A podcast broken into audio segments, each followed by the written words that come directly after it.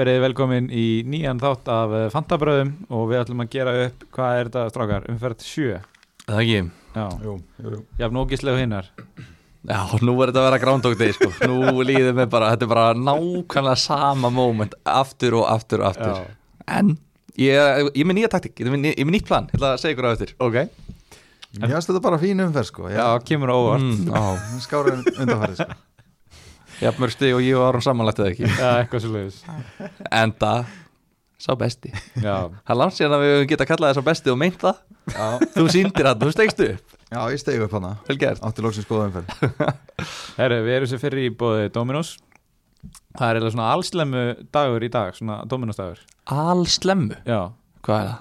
það þú veist, það er nýr mánuður, þetta er fyrsti, þátt, fyrsti þátturinn okkar í november Þannig að það er Mm. nýr pizzur í tríu Nýja tríópítsur Já. Ok Það er þriðudagur, Mhm, þriðudagstilbóð mhm, og svo náttúrulega fantabræða afslátturinn. Mhm. Og það getur kannski ekki notað þetta allt saman en þú veist, Og nýja brauðstokir já og nýja brauðstangir. Þannig að bara Þetta grínast hvað þetta er stert Bara- þeirra svo sterku hana Cajun, Já nei, stert move Stert að fara inn á mark eh, bara með þessar brauðstokir sko.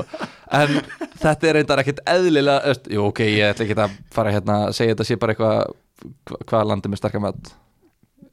Indland, Marokko Mexiko.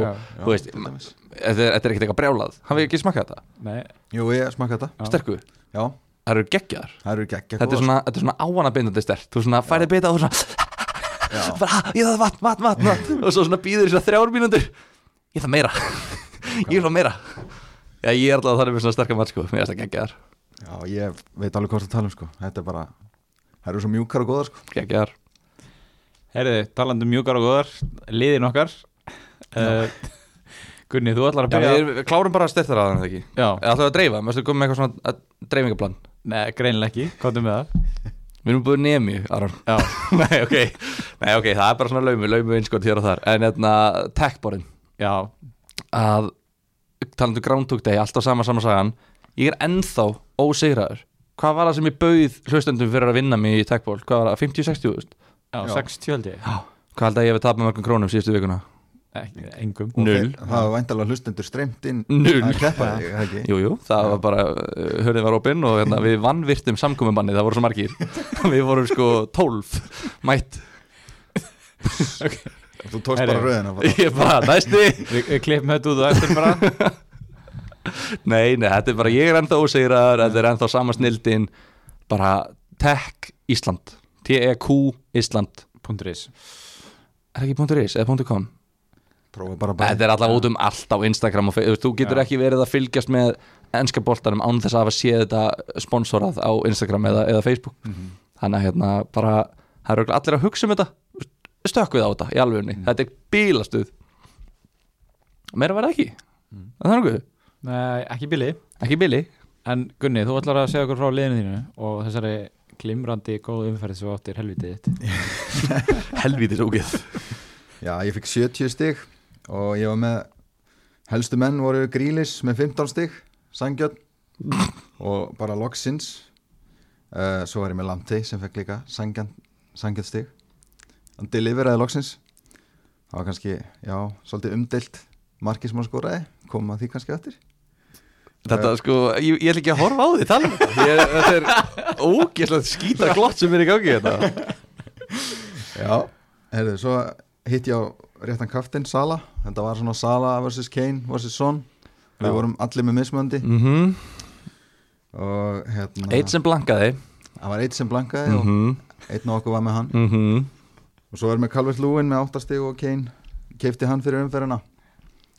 Og hann fekk 6 stig bara svona. Fyrir hvað Hímenes eða? Já, seldi Jimenez Já. og Dinje sem var í banni fyrir hérna Kúfal varnamann í West Ham og Kane. Skemmtilegt. Ég er ekki næstur. Nei, Nei, nei, herru, ég er þá vandalega næstur. Uh, Var með, þú veit eftir ógeðslega klár Aron, Já. þú ert svo gáðaður það kallast útilokur aðferð Rétt Ég var með 49 stig þá fjórum stigum undir average. Uh, sem er ekki gott. En ef við reiknum niður á sko, stig niður á leikmenn sem spila þá var ég örgulega með fína tölu af því að ég var bara með nýju leikmenn sem spiluðu. Haldi, þú ert með nýju manna lið og þú ert ekki síðastur að tala um liðið. Þú varst fyrir ofan mig og þú ert með nýju menn að spila Ég er náttúrulega, sá mér gott í glóður en hann í föstudagsleiknum, Wolves og Crystal Palace þar sem ég átti að vera með fimm leikmenn held ég. Guaita, Mitchell, Sæs uh, og Saha og Potens. Mm -hmm. En nei, nei, þá náttúrulega byrjuði bara bæði ja, Sæs byrjuði á bekknum og Mitchell var bara ekki í hóp held ég. Þannig að þá voru bara allt í einu tveir varnamenn sem voru í starting hjá mér sem að spiluðu bara ekki neitt. Og það svona lýsir kannski þeim stað sem ég er á að ég var bara byrð, fór að nýjan að byggja þarna um að Sæs kem inn á til að fá eitt stig af því ég vissi að ég fengi ekkit fleiri stig Já, já. frá mínum varamennum Eigum við að má ég, má ég bæta inn í einu? Einu hérna sem hefur ekki verið gert lengi. Okkar virtasti okkar allra virtasti liður. Já. við ætlum að líta hans tilbaka. Ok, er með það? Já, ok. Ég er með Sæs, ok.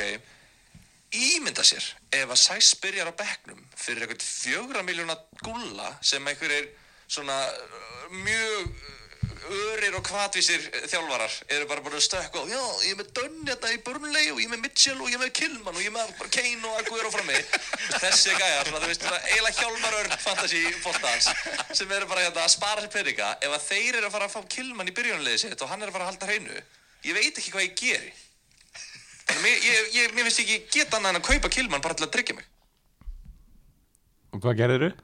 nei, viltu ekki klára liðið ég er bara, Já, sko, ok. við, það er meira það er meira þarna, sko Já. Ég er bara, að því vorum að tala um sæs. Já, og ég bara sagði að ég, myndi, ég vissi ekki hvað ég myndi gera. Ég veit ekki ennþá. Herru, ég var með sett Kane í kaftin og fekk þá 12 stig fyrir hann uh, Calvert Lúin, Potens og Sala allir með 8 og svo Rhys James hjá treinu og Trent náttúrulega fekk á sig mark og Son og Saha blöngu já, hvað sem sagt ég var með Hames sendi ykkur skilabóð og spurði hvort ég ætti að selja hann og kaupa uh, Rashford og hérna ég var ég var rosalega mikið sko að vilja bara selja Trent en ég vissi bara að ég lekkert við tölum minnum Zuma síðast það er nú svo sem verið ágættis ákvörun en ég vissum að ég hefði endað að kaupa einhvern allt annan sko já, já. og skýta á mig þannig að mér líður eiginlega bara ágætlega að hafa sleppt, þá náttúrulega sleppti ég líka að selja Póten sem fekk þessi áttastig Mm -hmm. nú á ég tvær breytingar og það verður gert eitthvað djúsi í þessari Eitthvað juicy. já. já, já, það er flott það er flott, það er flott en þú Ég Gylfi er klára þetta með þér hérna, Já, eins og ég segi, ég var hérna bara búin að ég að kolla þetta, bara nákvæmlega eins og þetta var, bara Kilman er að fara að byrja og Sæsfjörður á bekknum og, og, hérna, og ég held að sé mjög sniðt að kaupa Kilman og, og skila honum, ég var meira að segja að því það er búið að tala núna um þess að doppulöpatni í Liverpoolvörðinni, já. ég var meira að segja búin að lesa það líka, við ætlum að líta leng, eh, meira tilbaka. Mhm. og við ætlum bara að gera það eitt, tveir og núna. Tækni vandamál. Að þú veist, ég er með Trent núna til dæmis sem að er bara ekki að standa sig eins og sko 6 miljón krónar vartamæður einu sinni og ég veit að hafa hann á 9,5 þetta fyrir mót verði ég ekki bara að selja hann og kaupa Kilman eða selja hann og Robertson og kaupa Kilman og hérna Vestergaard og eiga bara fáralega mikið penning Ok, þannig að ég var svona búin að áttum að því að það væri líklega best að selja Trent og Robertson og kaupa Kilman og Vestigard Kilman hjá hreinu og Vestigard skora hvað veikum með sjö stig eða? Ég held að Já. 6 eða 7 stig, ok. Þannig að ég hefði fengið hérna stig fyrir báða. Uh, ég held Trent og Robertson. Þannig að ég er með bara enn eitt enn einu tvö stiginn frá þeim uh, Martínez með 0 stig í markinu, búin að fá sér 7 mörk í tveimulegjum Justin hann í vörðinni ég keifti sér sagt Zuma og Foden já, fyrir umferðina. Og Zuma heldur hreinu og skorar og ég er bara yes maður, bara 14 stig mark, bónus, reyndlag ég er bara ógeðslega sáttur að leikur var líka snemma, var þetta ekki lögadagsleikur jú, nú klukkan tvö eða eitthvað. Og ég bara ok, þú veist, nú er þetta bara komið nú er þetta bara, þú er bara komin á ról hérna. Foden byrjar svo á bekknum og fær eitt stig, þannig ég fæ 15 stig fyrir þessa tvo leikmenn. Og ég hugsaði samt í minna, ok, þú veist, það er samt alveg fínt kaupa tvo leikmenn og þú fær 15 stig fyrir það, það er bara ágætt. Nema það að ég seldi Lamptey Hmm. sem fekk nýju stig já, og Harvey Barnes sem fekk hérna áttastig held ég. Já, þannig að ég seldi 17 stig til að geta tekið inn 15 og bara, þú veist, barnsfíbli við erum búin að tala um hann endalaust þetta sé bara gölluð vara og hérna ég veit, ég veit ekki hvað ég að segja, ég er bara að brotna niður hérna. Svo er ég með Sala, De Bruyne er lagði upp og Carlos Lúin skoraði, þú veist, það er allir með Carlos Lúin náttúrulega. Ég valdi náttúrulega Son sem fyrirlega og hérna á laugadeginu þá sagði ég mitt við ykkur á chatinu, það er skjálfest og ég var að tala um það, djöfull maður, ég átt að velja Sala, ég held að hann sé að fara að skora mest. Flestu stíðin hérna ég var Ginni og Sæs spilar ekki. Mopay Mm. afsakið. Þú veist, hvað er að gerast? Það var virkilega óvænt, ég skal gefa það það. Er Men var það, var það óvænt? Hvort var meira óvænt? Að vantaði Mopay eða Ryan var ekki í markinu. Þú veist, bara Mopay. bæði. Mopay var meira óvænt Mopay var með fjögur mörk í fyrstu fjóru leikunum Já, hann var með 32 stig í fyrstu fjóru, hann var með 8 stig að meðaltali fyrstu fjóru umferðinar og núna allt í hennu er hann komið með viðhors vandamál. Og hann getur ekki verið í hópinu sinni. Og ég hefði að sitja þetta bara guð minn almáttur, ég veit ekki hvað ég á að gera skilur þannig að hann er þetta á bekknum og veist, þetta er bara, þetta er sem ég gerur með 48 stig, undir meðaltali. Ég er komið niður í sko 2 miljónir overall. Mm. og þú veist þetta er svo skemmtilegt útvarp fyrir hlustendur að, hérna, að ég átti þetta bara geðvig tímambil og svo byrjaði ég með podcast og ég er bara eitthvað lélegast í fantasist þú veist þetta er, þetta er svo mikið strókar, ég nennis ekki. Ég nenni ekki eins og að tala um þetta. Þannig að ég er með, já, ég er bara þetta er umulegt þú getur huggað við það. Að það er bara ein umferð og svo kemur pása. Já, en já. Kannski verður það bara endaleg pása um mér, kannski hætti ég bara. Það er, svona, þú veist, það er klálega þeng í ár. Bara hver, hvernig þetta tímabili búið að spilast? Það bara margir af þessum bestu sem eru svona með podcast út í heimi, þeir eru allir bara í 3-4 miljónum sko. Já, þetta er bara, þetta, þetta er svo asnalegt. Þetta er búið að vera rosalega skrítið tímabil hana. og við, ég ætla bara að koma þetta með punkt út af því að síðast lærið ég ekki heima, núna lærið ég heima. Um, ég var að tala um þetta ef við, var ég að tala um það í síðasta þætti það var bara við ykkur ef, ef við hefði ekki gert neina breytingar. Uh, ég held að það var bara, Bara við okkur, já. ok, þannig að það, er að fara inn á þessa síðu. Við töluðum aðeins um hann í fyrra, það er að fara inn á þessa síðu sem að seg, segja þér hvað þú væri með mörg stig ef þú hefðir ekki gert neina breytingar á liðinu frá Game Week 1 Þú segir fólki slóðina uh, ég man hann ekki, þetta er bara, ég googlaði þetta bara eitthvað FPL uh, points with no transfers eða eitthvað og það kemur eitthvað reddit linkur. Mm. ok. Uh, Aron, þú værir með 311 stig en þú ert með 330 þannig að þú ert búin að græða 19 stig á að spila hana leik aktíft og fylgjast með leikunum þannig að vel, vel gert hjá þér. Og væri með 330 Já, ok. Uh, Gunni, þú ert með 404 stig.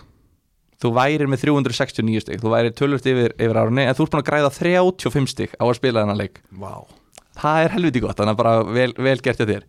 Ég væri með 413 stig ef ég væri ekki búin að gera neitt en ég er með 374 stig.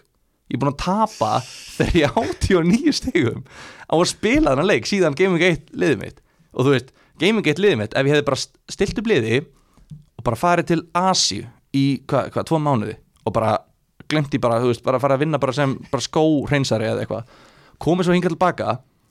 Ég var að skein ykkur. Þú veist, ég, ég var í, í 83 stigum undan þér árum já, til hann ekki ég var í nýju stigum rosalegt. ég var í nýju stigum undan þér. Gunni, búin að græða þín 35 stig og gera allar þessar breytingar. Ég var í grenjandi hlátri. Ég ætti vælgardið, ég ætti tvær skiptingar. Þú veist, ég væri bara með hérna, ég væri með Jamie Vardy ég væri með hérna, Mitrovic, Wardprowse alla þessa gæja þú veist, þetta er ástæðan fyrir að mér langar að fara að grenja bara og sleppa þessu. Byrju, hvaða meistar voru það sem þú byrjaði með? Var, já, það voru þessi sem varst að segja. Ward- Wardprowse sem er með sko 29 stig eða eitthvað í síðustu tveimilegjum Já, Jimmy Vardy sem er bara búin að skeina þessu. Aubameyang skoraði í síðasta leik. Sala fyrirliði sem ég hefði bara átt að vera með hann alltaf fyrirliða og Luka Dinni hann er búin að vera solid og McCarthy. Doherty er dottinn úr liðinu en ég með uh, Þú ert með Saint ah, Maximin hann laumaði hann að einu marki þegar Doherty var ekki að spila Besta vinnin, Olli Burke þú veist, já við, við, sko, við tókum allir vældkartin alltaf sama tíma Seldum allir eh, McCarthy eða ekki Jú, Og einhverju. Volker Peters líka Já, ég líka. Svo hendur þeir bara í þrjú hrein lög í röð já. Eftir vældkartið okkur sko. Þannig að þetta er alveg fáralegt og þetta er svo, telja sko. þetta er svo barnalegt hmm. þetta er bara barnalegt ég þóla þetta ekki Herru, eigum við að hlaupa hrættu við leikina? Já, sorry. Er það ekki? Þú þurftir á þess að halda ekki ég þurfti svo mikið á þess að halda það geti öfurröð Já, já, bara byrja á Leeds Leicester. Já, og við ætlum að, við ætlum að, uh, gera, við ætlum að fara hans hraðar yfir leikina Já. núna, við erum búin að, hérna, við ætlum að gefa hans í líka bara, þú veist, fólk er að horfa á leikina og, og, og þú veist, það getur kíkt inn á stíin á s- síðunni sko. Já, já, og líka svona, já, ég, ég tók þess að þessa ákvörðun sem fyrirlega þáttar eins að við þyrftum að gefa mér aðeins meira rými til þess að fá að væla aðeins meira. Já. og þá þurfum við alltaf að kötta út þessa leiki. Það var executive decision. Já. Herru, uh, byggustu við þessu fjögur eitt fyrir Leicester á mútið Leeds? Ég held þetta er jafnari leikur sko Já, Fyrirfram. Já, ég líka, að það, sko. ég líka sko En það sem stóð upp úr kannski var Bamford var með hæsta XG af framherjum í umfyrinni 1,82 hann klúraði þremur sko algjörum detturum. Og ég verð alltaf hrættur og hrættur að vera ekki með hann sko. Mm -hmm. ég ætla bara að halda áfram að segja það. Mér, fram að segja það en ekki að kaupa. Já, já, satt. Mér, mér, mér langar bara í hann eiginlega. Eða þú veist, uh, þetta, skallafæri hann og bara, þú veist, hann, hann lítur eitthvað svo heimskulega út. Þetta er eitthvað, þetta er eitthvað rosa mentaðu gaur þetta er eitthvað mjög klár gaur held ég. Eða, ég, ég, já, hann er, átti að fara í einhvern skóla í bandaríkunum en Já. valdi fótboltan frekar Já, hann er kannski ekki droslega mentaður fyrst hann búin að rættur með fólk en þetta er eitthvað klár gæði sko. hann lítur alltaf út eins og sé bara eitthvað bara greindaskeftur eða þú veist, eða bara ég.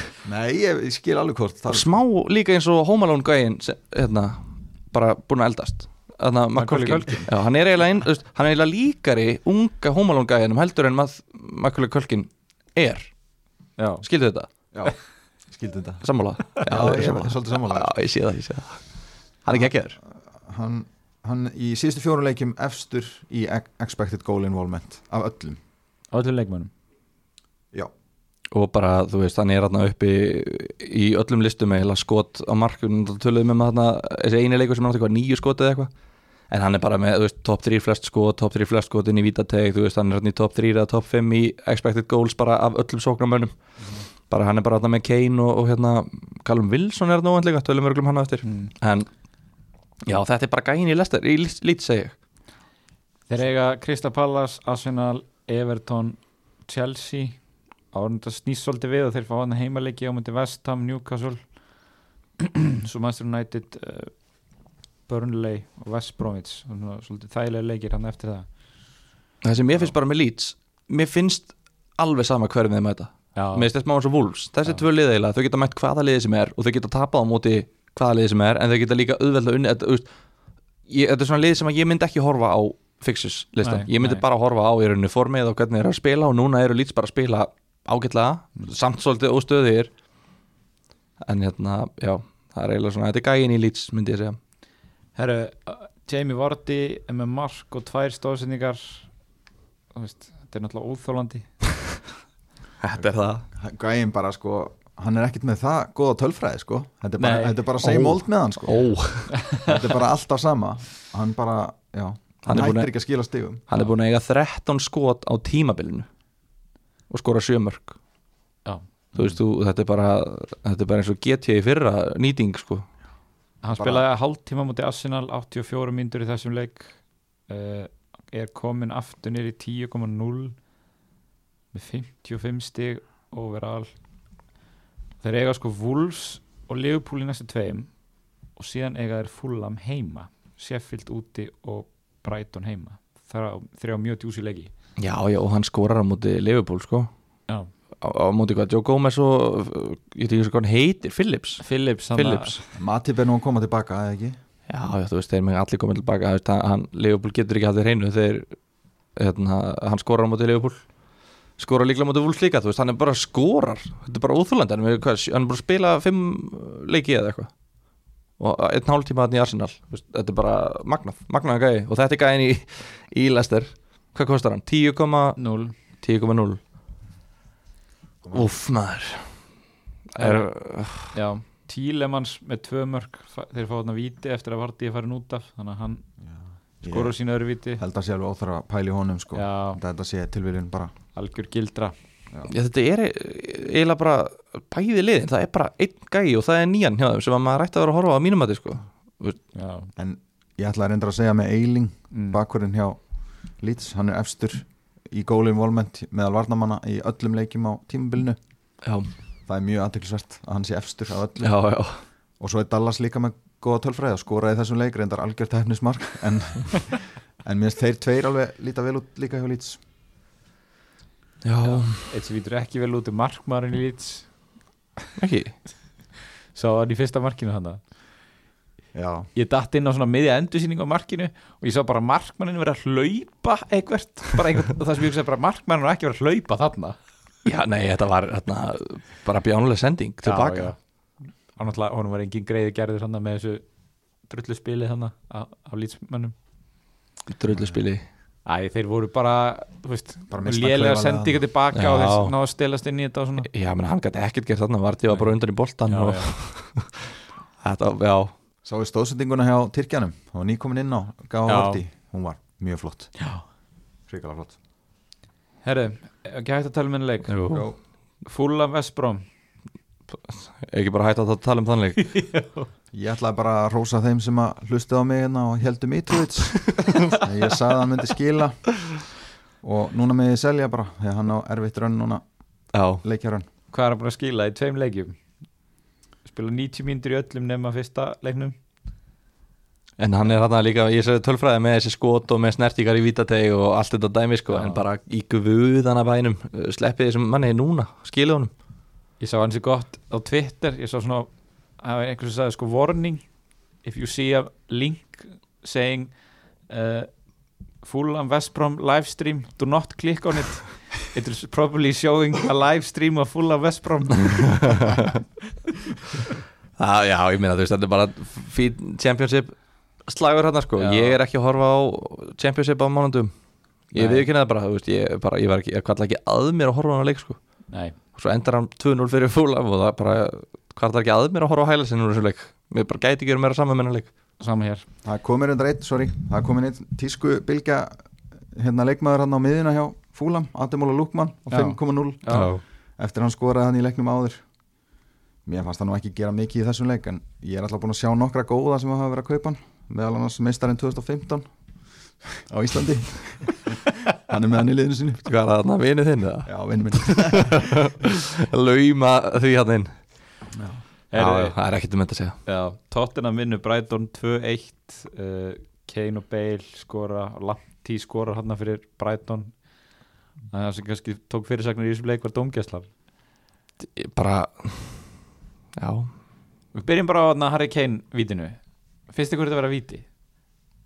sko, mér finnst ekki hægt að segja hvort þetta er víti af því að Mm. þú getur ekkert séð einhvern millimetra akkurat þar sem broti á sér stað þess vegna finnst mér svo skrítið að breyta upphálega dómnum Já, ég er meira að tala um sko, er þetta brot? Já, þetta er brot já, Já. já. ég held að sé ekki hægt annað en dæmi brot Já. En uh, hvort að þetta var þessi bóðorð myndbrandsdómgæslunar sem eru clear and obvious error sko, hvort þetta voru augljós og skýr mistök að dæma aukaspöldinu þarna. Mm. Ég bara, ég hvernig ætlar að sjá á hvaða millimetra broti átti sér stað? Þetta er hann akkurat á En- akkurat á punktinum sem skilur á milli textins og Já, æ, mér finnst, við erum búin að tala um þetta svona þúsund sinnum en þetta er náttúrulega, þú veist, eins og með rángstöðuna þú veist, rángstæða er bara svart og hvít annarkvært ertu, rángstæður eða ekki. Og það, þess vegna er myndbársdómgæslan búin að vera eins og nasistar með rángstæða leikmenn út af því að það bara annarkvært ertu það eða ekki. Þetta brot er bara annarkvært er þetta inn í vítatega eða ekki. Það er ekkert það, það er ekkert annað, þú veist, tæklingar og svona, það er svona, já, hann tekur boltan hann fer svona fullharkalega í hann, eitthvað svona, þú veist. einhver svona matsatriði. Já, en veist, þetta, þetta ágætt að vera neitt mannsadriði Þannig En að samt- bara með línu sem að segja þér hvort, hvort er hvað sko. Já, en samt eru þessi atrið alltaf matsatrið og ég man ekki hvað ég sá það, það var einhver að tala um að einhverju landi væri, sko línutar væri gerðar breyðari, Já. var línutar þannig að þú sérð ekki í sjónvarpinu hvort að hérna, hversu nákvæmlega og ef að línutar skerast eða eitthvað svoleiðist þá bara er þetta bara play on, einhvern veginn. Ég man ekki hvernig þetta var gert en þú veist, þetta er bara þetta er orðið svo þreytt og þetta er bara þetta, þetta er bara eðilegja fótboltan því miður sammála því, maður nenni ekkert að vera að ræða þetta endalist sko. Nei. Ég meina, ef, við- ef við pælum í því, þú veist má- málið er bara að, að dómararnir ráð ekki við þessa tekni þeir bara ráð, þeir ráð ekki við það. Og við erum núna til dæmis, ef við tökum bara hérna bíla Þú veist, hvað geta bílar kyrt hratt? 200 km hraða, eitthvað svo leiðis Já, já, bara án þess að við förum út í einhverja merkingar já, nei, við já. förum út í Já. merkingar við förum út í merkingar, Já, það er alveg hægt að keira bíl á 200 km hraða, Já, já. en það þýðir ekki að við gerum það. Nei, nei, Þú veist, þetta er svo fæstir Já, menna, veist, það, bara, við, við, það er bara mat almennings að við erum ekki tilbúin að keira á 200 km hraða og gerum við það ekki. Þú veist, fyrir 100 árum það mátti keira á 30 km hraða og það var hámarkið eitthvað, nú er það 80-90 við ráðum ekki við meira, þá gerum við ekki meira þú að tækni segja okkur, þú veist ah, þetta er svo leðilegt sko. Að vera bara, þú veist ah, þeir eru svo ógislega lélegir, þeir ráð ekki við Nei, tæknina. Nei, líka bara en svo lélegt að átta sig ekki á því að það er verið að skemma vöruna hana, bara einhverju Mhm. bestu söluvöru í heimi Já. og þú ert bara að skemma hana bara smátt og smátt og smátt ykkur einu stöðumferð Nákvæmlega Það er fullt af fólki sem er þú veist, hætt að horfa Já. bara miður. fleiri á leiðinni sko. ég held að ég væri með sko, fótbolta fíkn sem væri ólæknandi ég, ég hafði engan áhuga á að leggjast inn einstæðar og losa mig við þessa fíkn en núna bara, þú veist, legðu mig inn sko, bara, þú veist bara burtu mig sjónvarpið bara, ég, ég, ég hef ekki áhuga á að horfa á þetta lengur Nei, þetta er ógislega leiðilegt og bara ó, ég, ég má ekki byrja að tala með þetta. Ég ætla að hætta að tala með þetta. Herru, Regulón leg, eh, leggur upp mark hana fyrir tóttunum er það einhver pæling? Já, ekki, ekki núna, það er of seint. hann er ennþá í rotation. Okkur er það að þeir áttu rosalegt hérna, gott prógram. Núna er erfiði leiki framöndan Ég myndi ekki kaupa varnamann hjá þeim núna. Nei, já, herru, og vinur ykkar Lanti skorar. Því líka meistari Ég er búin að vera að býða eftir þessu síðustu vikur. Hann hefur ekki, ekki skilað. Hann hefur alltaf litið vel út. Já. Loksins kom komist í inn já, já, hann, hann skilaði ekki með henni í áttan en um leið og ég hann þá komist í inn Það þarf að trúa sko. Það þarf að trúa, þú veist ekki að segja mér og Lundstram neitt um að trúa sko.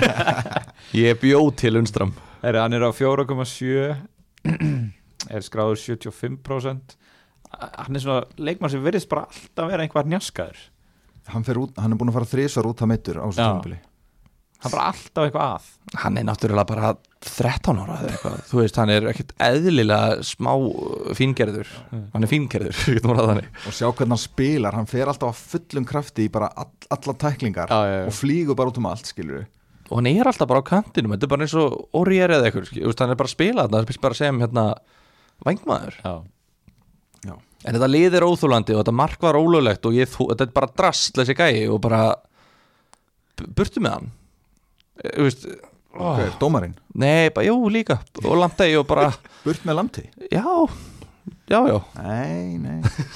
Ég meina, hvað hann sé að fara að skora mörg á tímabilinu? Tvö viðbútt Og hvenar? Bara núna í næstu tömuleikjum? Ég veit ekki, ég vona það. Já, þú veist og þetta er bara svo skrítið að vera með hægri bakvörð í Brighton sem kostar 4,7 miljónir og, og, og ákvært að treysta Attacking returns. Já, ég meina- hann, þetta, þetta er bara mest framlegjandi mið, Nei, varnamaður í leiknum. Já, hann, hann, Hann er er alltaf hárspreitt frá því að leggja upp í hverju já, meinasta hann er alltaf hárspreitt frá því. Já, og nú- núna komust í inn. Já, Og þau munu halda áfram núna. En þau, veist, þau átti ekki að koma skilur við, þú veist, þetta, þetta Hvað, að því að tæklingarna mínútu áður kól ólögulega tækling sem að allir eru sammála um nema þú Já, átt að nei. dæma af. Nei, ég er alveg sammála átt að dæmi þetta af. Já, En hins vegar tengist það ekkert því að hann skoraði þetta mark, skilur jú, þeir voru í uppnámi. Hauberg var í uppnámi Gunnar. Já, reyndar. En nei, nei, þú veist, jú, ok. Ég er kannski bara bitur út af því ég seldi hann fyrir sömfer en hann er ekki leiðin aftur tilbaka Þetta er búið hjá okkur, landi herru, já uh, Kane skorar víti en fara engan bónus. Það er svona, hann, ég kíkti á bónusin einhvern tímann þegar var svona hálftím búinn. Hann var bara langaustur, kannski eðlega Já, svo bara sökka hann neðar og neðar og neðar. Hvað var hann að gera til að minka svo mikið í bónusum? klúðraði þarna færi, svona, kannski pínu erfitt færi. Fær boltan á fjarstönginu eftir hotspinnu og svona einhvern veginn næri ekki að leggja fyrir sig og, og svona einhvern veginn ítur honum í stöngina. Það kom hérna beðni um að við myndum tala um aðeins um þetta BPS bónuspunkt og kerfi Já. Ef að gera það í lokin? Ef ekki bara gera það núna? Ef að klára það núna Já. Ok, Gera það ok Að hérna eins og þegar mann er lagði upp tvö mörg í síðasta leik Hvað var það, 2-1 sigur á móti Sheffield eða ekki? Mann er leggur upp tvö mörg og fær engin bónustig. Og það er allir bara í sjokki bara að býta af hverju fær hann ekki bónustig? Ef við förum inn á hérna, Fantasy Premier League síðuna förum í rules og hérna, bónus skori þá sjáum við fyrir hvað menn geta fengið BPS stig sem að eru hluti bónustíðin reiknast út af því hver er með flest BPS stig Já. er það ekki? Jú. ok, og þú færið stig fyrir að skora sóknamaður sem, sem, sem að skorar fær til dæmis 24 BPS stig fyrir mark en varnamaður fær 12 af hverju er það Gunnar?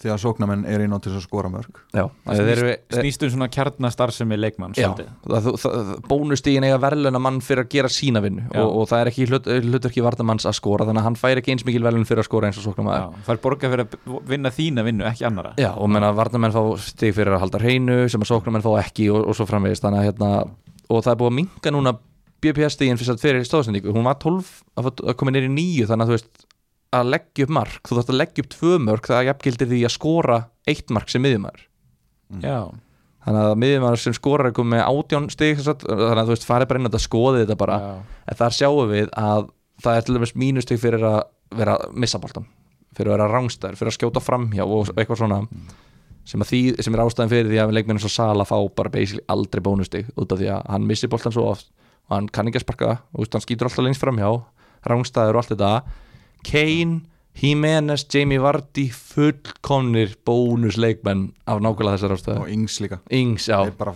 þeir soga staðin bónusarnir sko. Þeir- þeir eru lítið að skjóta framhjá og, Já, og eru bara missa ekki- boltan og vera einmitt, já. þeir eru ekki hluti af leiknum nema bara til að skora, það er eina sem þeir gera er að skora. En Þeir getið fundið þetta með því að fara í help, rules og þar und- undir scoring og þar finnið þið BPS uh, stiga gjöfuna en þetta er samt líka hættulegt út af því að við sem að höfum skoðað þetta við bara tjúlumst núna yfir rángstæðum og eitthvað svona sko, sem að hérna, maður væri til að missa sko. þannig að sko ef að leikmæður þinn er dæmdur rángstæður þá er möguleiki að hann lækki um eitt bónustig eða eitthvað skilur já, já. þannig að já það er hægt að vera pyrraður ef maður er virkilega hardcore í þessu. Ég man eftir einhver leik í Born og því fyrra þegar að, hérna, ég var með Ryan Fraser og hann var með tvö bónusteg eins og staðan var. Svo fekk hann gullt á 93 mínus þrjú BPS-stig og misti bónusin guðluspjöldin geta verið miklu dýrari heldur en mínus eitt sko. Já, já, getur mist tvö að þrjú bónustig líka. Já, Já. brjálað sko. Það er þrjú mínus fyrir guldspjald En það er allavega ástæðan fyrir því og já, svo farið líka fyrir að skora sigumark þá fær eitthvað Já, fleiri, ef, að, já. ef markið heitir sigumark þá fær fleiri. Og ég meina eins og Gareth Bale, hann fær þrjú bónustig. Út af því hann skoraði sigumarki þá fær hann held ég þrjú auka stig eða eitthvað fyrir markið sitt. Mm en þetta er allavega reynst nördalegt að gerist og við ætlum ekki að kaffara hérna okkar áhuga mönnum. Fólk getur flett þessu upp Já, sjálf bara. kíkja á þetta. En herðu, uh, þá er það uh, leikur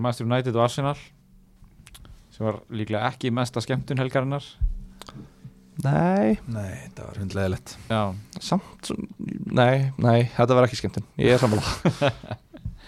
Uh, 1-0 fyrir Arsenal og Bamiðan skorur úr víti. Hvað viljið þið segja um þennan leik svona út frá fantasy? Ég vil bara halla mér aftur og horfa á ykkur ræða þennan leik.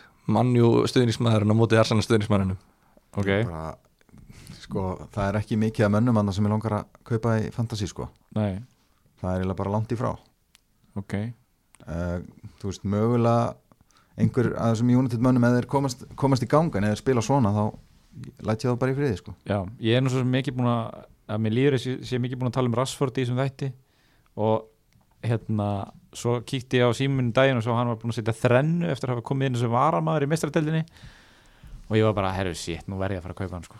en náði að sleppa því Þú, Og- þú sást hverjum þau voru að fara að mæta Já, ég ákvað bara að hérna, býða aðeins með þetta og þeir lítu ekki vel út í þessum leik og hvað segir þið ef fólk er að spyrja um að selja Bruno? Ég- sko, hann er náttúrulega ef ég væri með einhvern í þessu liði þá væri ég með Bruno sko. Frekar en Rashford um, þetta er náttúrulega frekar erfið þeir eru núna næstu tveir eru frekar erfiði leiki sko.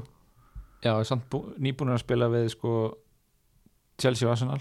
Já, ég nei, betur Það er Bromwich Albion heima Það er, það er erfið leikur fyrir ykkur menn. það er bara einn. Það er Everton næsti sem er svona Já, svolítið trikki er leikur. það svona make or break bara? já, eiginlega sko. Já, en já, ég hefur svolítið verið að býja eftir að þetta raun sem er að klárast á núna er búið á þessum erfiðu leikjum. Og ætlaði þá að meta hvort ég ætla að taka inn einhvern af þessum önnum en það lítur ekki út fyrir að ég muni gera það sko. Nei.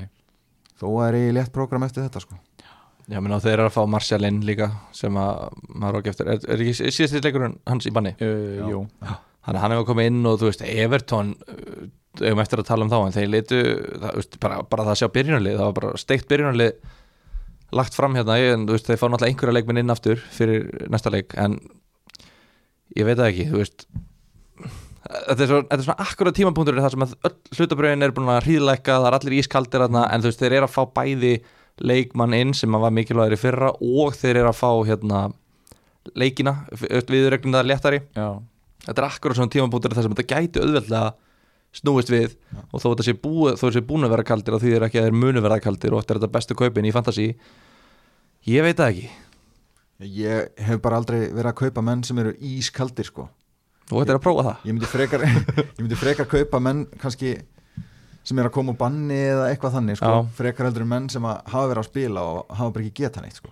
Já, en já, ég veit ekki Bruno er náttúrulega svona, veist, hann er með vítin og þeir náttúrulega, trúið mér Martial mun fá víti í næsta leik þannig að hann, Bruno verður með allavega eitt mark En Arsenal flottir Já, þeir voru drullu góðir, duttu niður á góða blöndu þarna eftir að þeir prófuðu, fjö, að, þeir hafa verið náttúrulega eiginlega síðan að Arteta tók við í svona 3-4-3 kerfi mm -hmm.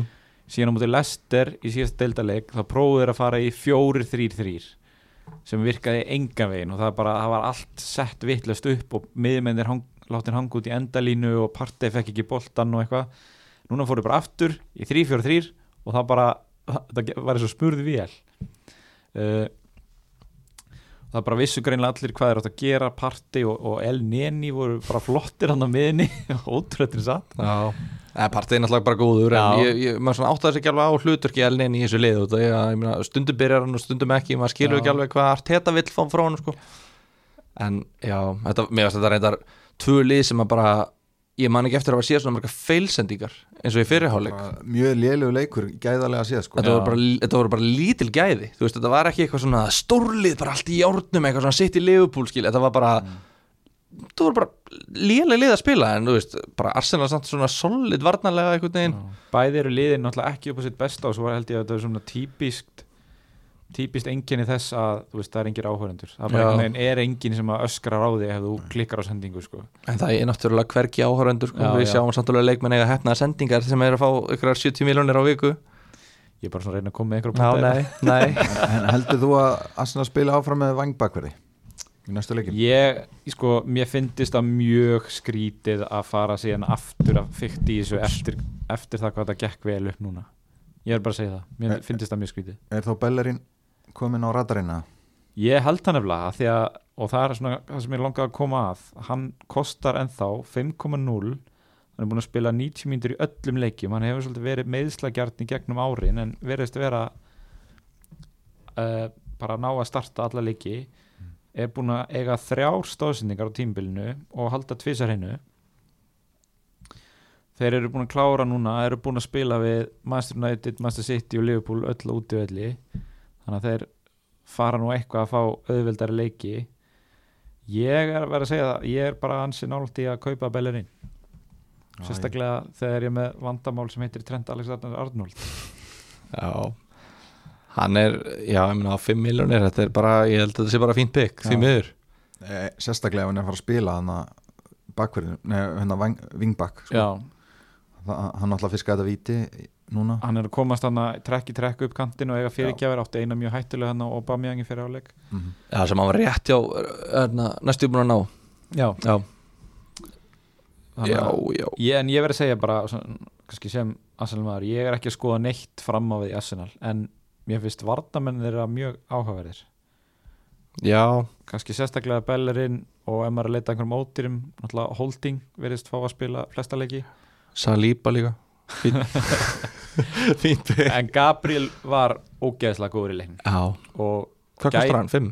5,1 held ég. Já, já, blessaður. Gæti verið svona okkar Willi Bóli bónuspunta segull Já, eð, já, hann var alltaf heppin að hanga inn á sko, hann átti alltaf að fá raukt sem hefði verið slæmt fyrir hann. Það er vont fyrir bónusstíðin Já, menn hann hefði hvart hann að leik með tvö stygg eða eitthvað. En hérna, já, ég veit það ekki þú veist, ég held að Bellerín sé alltaf holding er inn út úr liðinu, hann er ekki læstur er það nokkuð?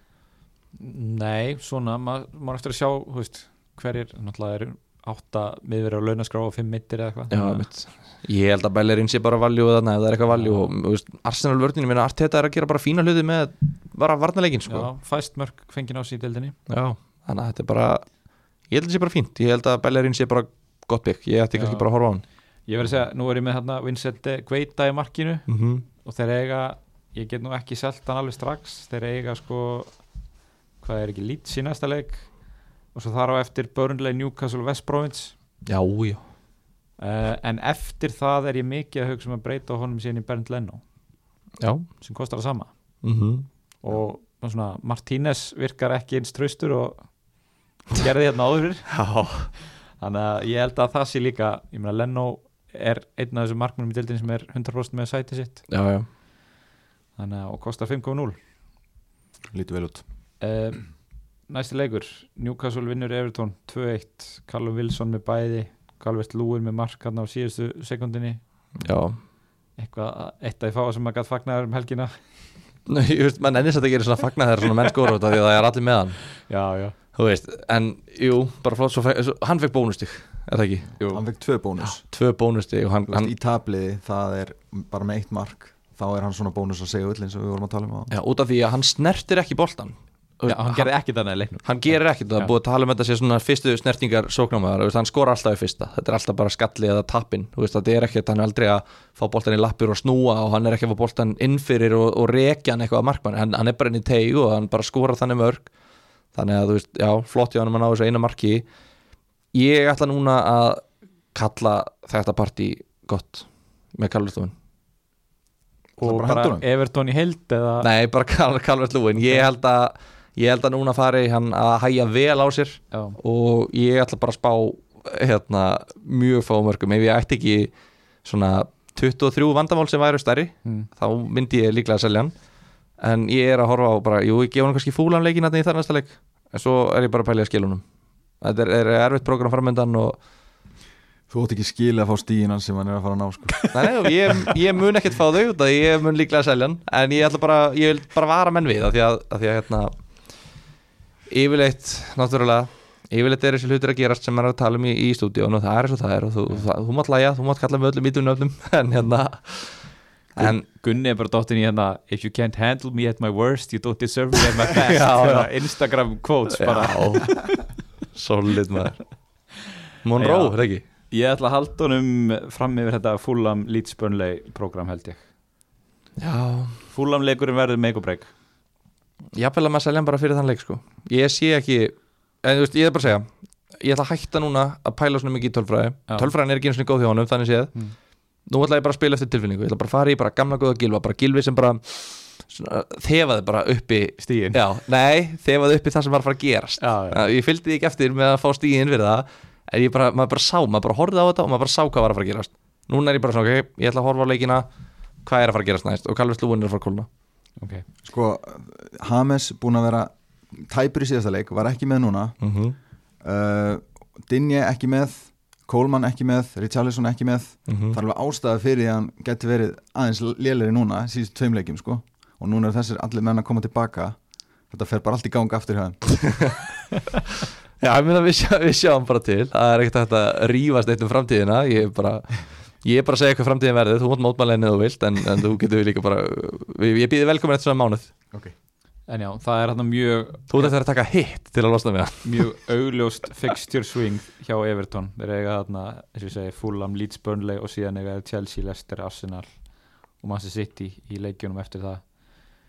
Þannig að það er svona nokkuð augljóst hvenar maður á að salja ef maður er í þeim pælingum. En hvað segir með Callum Wilson? 6,5 og veist, hann er ótrúlega segur á þessu tímbili Já, það er bara erfitt að velja milli hans og Bamford eila sko. Þeir eru báði með mjög góða tölfræði. Wilson er efstur í expected goal involvement fyrir alla leikmenn í öllum leikjum. 6,56 öllum leikjum, allir leikjum. Já. Þannig það er þetta fáránlegt. það er rosalegt. En alltaf mikið til komið út að hann með vítin hvað er hann búin að skora, þrjú marku vítum og vítin eru næstu 1 xg þar. Þú fær 0,76 fyrir hvert viti Já, ok. Þá höfum við það. En hérna, hvað er hann komið? Hann er komið með 6 mörg í sjöleikjum, Já. 2 assist. Já, ég, þú veist, já, ég var rosalega torn á milli þess að velja Mopay eða Wilson fyrir tveimur, þreimur leikjum. Veðið á rangan hest og vá hvað það er að býta mér að sinna núna að hafa ekki tekið Wilson. Út af því að þetta er svona skemmtilega gæði, hann er bara hann líka þú veist, þetta er svona gæði sem, já, hann, hann er eiginlega ekki með í leiknum nefnum bara til að skora. Gott fyrir bónusinn. Þú valdir óþættar orminn sem er komin í skammakrók. Já, sem er með lélegt vond attitude. Það má ekki spila á þetta hann, hann skora bara mörk en hann er ekki nú góður að hérna, þrýfa hérna, klefan sinni eða eitthvað þú veist.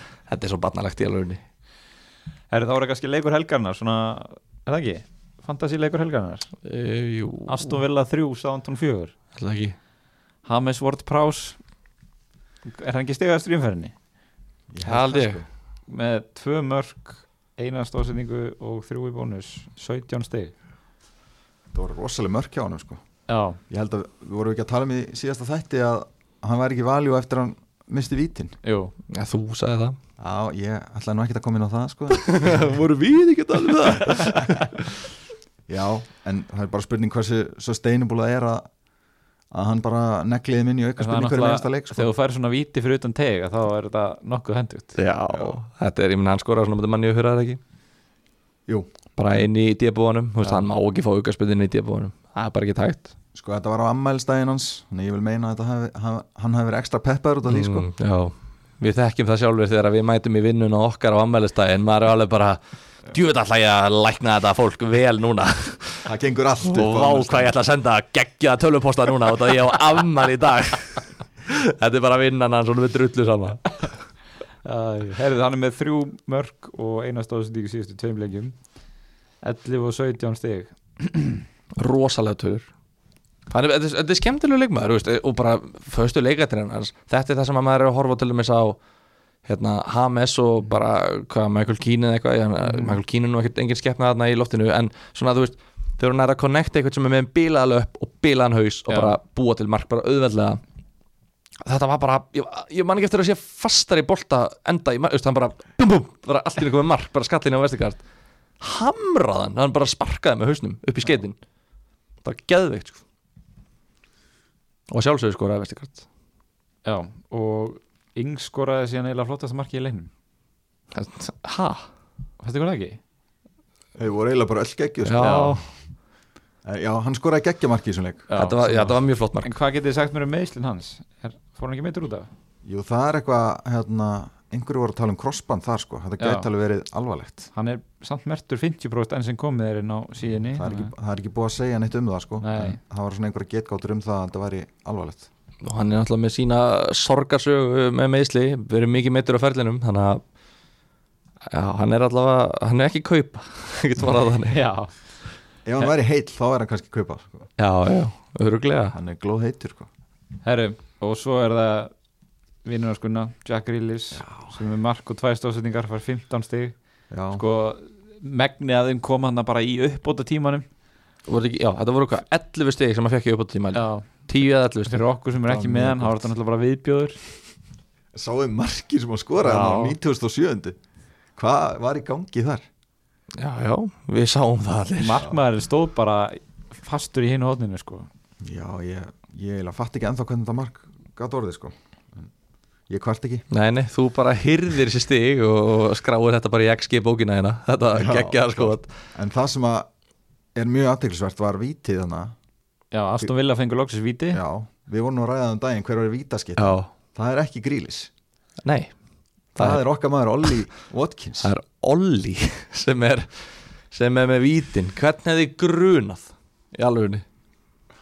Mig hefði alveg grunað. Að 30 miljónum punda sóknamaðurinn sem með vítin. Já, sem heitir Olli Watkins og bara getur ekki skorað mark nema í einum leik af átta eða eitthvað. Nefna móti Liverpool. Já, menn ok, e, skorað í, í tíunda hverju leik, þú veist, það er, það er annar 30 miljón krónar, það er 40 miljón krónar sóknarmæður sem heitir Joe Linton sem skoraði líka í tíu, leik, tíu hérna leiki fresti.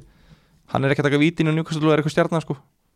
Sko hérna erum við komið með framherja sem kostar undir 6 Nei, kostar akkurat 6 Já, ekki. Er vítaskitta, spilar alla mínútur. Það er bara einn annar svoleiðis maður í, í deildinni Það er Mitrovic. Og, og Olli Og Olli er mun betri kostur Myndi ég halda, núna. Heldur en Mitrovic, já. Já, þetta eru bara ódýrustu, þetta eru mest valjú frammi. Mest valjú leikmennir Þá er ég, með, Afsakið. ég er að meina af þessum ódýru kostum. Af þessum ódýru lélegu tveimur kostum. Er þetta mestu valjú 6 miljóna undir, það eru fullt af fólki sem leita sér að framherja sem kostar 6 miljóna Hefur þú heyrt um Bamford Brunson sem að ég held hverja helgi? Já, ok, hann, hann er virkilega góður líka. En bara miklu meira valjú Já, en hann er ekki vitaskita Nei, en meira valjú Já, ég er enda sammálaður, ég bara glemd honum í þessu. Já, aldrei gleyma Bamford brönsinum aftur sko. Ég er búin að vera að sleikja hann upp hérna tvo þættir Þetta er minn bröns Nei, hérna, jú, þetta er Já, algjörlega, þú veist ó, Ég veit ekki, ég get ekki tekið þátt í ykkur umræðum um Olli sem eitthvað valjú sko. Með fullir virðing, ég ber mikla virðingu fyrir þessum manni en bara, nei takk. Hvað segir þú Aron? Uh, Olli Watkins, Já. ég segi nei Alveg bara skýrt nei Sko, það sem ég langar kannski að koma að var að þeir eiga Arsenal ótuvelli næsta leik en eftir það eru bara grænar grundur framöndan og góðir, hvað er þetta? Áttaleikir röð eða eitthvað sjöleikir Já, þannig að, þú veist ef þú ert að pæla í Olli Watkins þá myndi ég kannski gefa þessu eitt leik og sjá til en ef þú ert að pæla í Jack Grealish, hvað gerir maður þá? Þú bara stekkur á hann sko Eða það? Já, mínum að þið Já, hann er, hann er mest, hann er besti leikmaðurinn í Villa til að vera með Þú getur gleymt í að ég ætli að vera með Olli Watkins og Jack Grealish Já.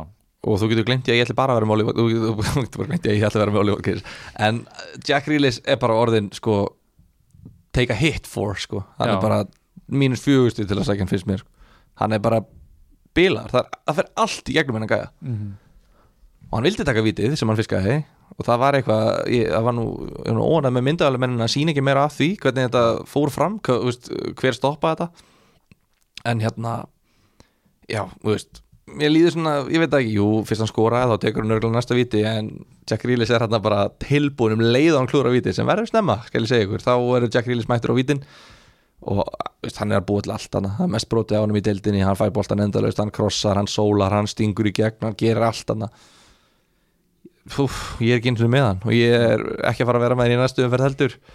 Sko í þessari umferð grílis flest skotin í teig og flesta snertingar inn í teig af öllum leikmönnum. Þannig að hann lítur mjög vel út. Þegar við erum að taka þetta upp hérna á þriðdagskvöldi þá er grílis að öllum líkinum að fara að hækka upp í 7,4 þannig að það er eitthvað sem maður þarf að ef maður er tæpar á penning að hafa augun opinn fyrir. Já, við líka bara sjá um hvað þakki hans er hátt veist, hann er að fá bara 15, 23 stig veist, hann getur fengið svona bombuleiki og hérna, hann getur líka blankað en það er bara svona fínt að vera með svona leikmann sem að maður getur bara haft og trúað og vita bara, ok, þú veist, ég veit ekki hvenar þessi sprengja kemur, ég ætla bara alltaf að hafa hann er svo svipað á Kevin De Bruyne í rauninni nema bara, De Bruyne er miklu betri og miklu, budget útgáðan Já, í rauninni, þetta er budget útgáðan að, hérna, að þú bara hefur hann bara í liðunuðinu og bara á hann að keppa múti bara sitt í útivelli Liverpool heima, ég hef hann samt. Og mér langar bara í svona leikmenn núna bara sem ég veit að mun skila stigum ég ætla bara að hafa það á þarna og bara leifa þeim að delivera bara einhver tíman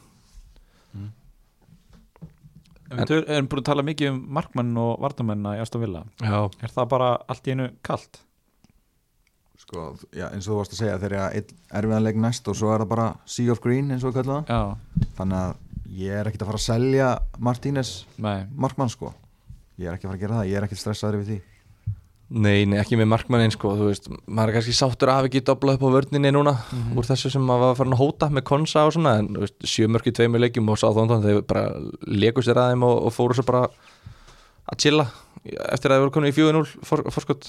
En nei, ég er samanlega kunna, ég hef engar áhugir að því og þú veist, maður sé, þú veist það er samt svona pyrrætt að horfa á svona leiki þar sem að Martínez, þú, þú horfði bara á hann og fyrsta sem maður gerir þegar Aston Villa færa sem markir að horfa á Martínez, bara, ok, come on, áttu ekki að vera bara besti markmann í heiminum? Og hann getur ekkert gert. Nei, Og hann hann- ekki séns í neitt að og hann er svo rólegur, þú veist, hann er svo ógislega yfirveður og senaður einhvern veginn, hann bara svona hann veit það bara, og hann bara jájá, ég fekk á mig mark. Ég gæti ekkert gert í þessu, áfram gakka þú veist, hann er svona ógislega skrítin einhvern veginn.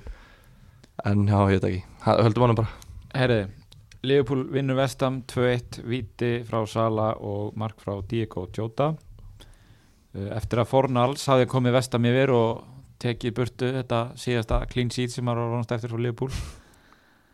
Jú, jú. Þannig að hérna, ég er svona, þú veist ég, ég sagði, mér langaði að selja trend fyrir umferðina. Ég einhvern veginn fann ekki rétt aðaland til að kaupa í staðin fyrir hann og ég held að það var eiginlega, það sem gerði útslæði fyrir mig í haldunum var að fá þess að fréttir af Mikael Antonio, hann er ekki með. Þannig þá hugsa ég, já, þeir hljóta nú anskotin hafið að mögulega halda hreinu á móti vestam hérna en það fór út um gluggan og núna er trend bara að fara út á hafsöga held ég. Ég verð að segja, ég þið eru náttúrulega báðið með Leopold varnamenn ég er bara döðu vorkin ykkur með síðustu tvo leiki hjá Leopold sko. Þeir áttu náttúrulega að halda hreinu í báðum þessu sko. en ég er bara sáttur. Ég er ekki minn Já, já, þú heldur bara þinni XG bók uppi og við bara höldum áfram að fá okkur nýfa í andlitið. Þetta er svo heimskulegt og þú veist bara Þetta, þetta er enda ekkert eðlilega lélögu varnarleikur bara Joe Gomez, ég hef aldrei séð einstakling skallabolta jafn illa á hann. En bara, uh, þú veist úi, legur sinni í gegn og þú veist, þeir gerðu ekkert eftir þetta einhvern veginn og bara ó, þetta var svo þreytt. Maður var ekkert að sjá hva, hvar mörkin átt að koma þegar Antonio um, þegar maður heyrði að hann væri meittur sko. Mhm. maður vissi ekkert hver en það, einmitt, bara lélegur hreinsunana hjá Gómez, beint á hann Já og svo bara þú veist eftir tíu mínútur og þú einhvern veginn bara svona þú veist, að ég veit ekki, þú fjæst ekki einu svona að vera spenntur, þú veist það er svo gaman að sjá þegar það kemur 60. mínúta og þú sér það lið eftir að halda hreinu og þú svona ferð og kíkir hver er að fá bónustíðin eins og er ú, það er trend, eitthvað svona og svo kemur nýfurinn á 78. Hanna var þetta bara, hei, já, tíu mínútur og þetta er bara búið, þú veist, þú, þetta var ekki einu svona gaman að horfa þetta og svo vann Liverpool 2-1 og þú veist, Sala skoraði sem ég var ekki einu sinni með sem fyrirlega og Shaqiri og Diego Jota voru svo byggjum til sigumarki, maður einhvern veginn líka við fagnar þess ekki? Hérna, en hvað segir með Mikael Antonio? Nú svona fantasi síðan er bara með hann skráðan sem rauðan en mér finnst einhvern veginn allir að tala um að hann verði mögulega klárið næsta leik.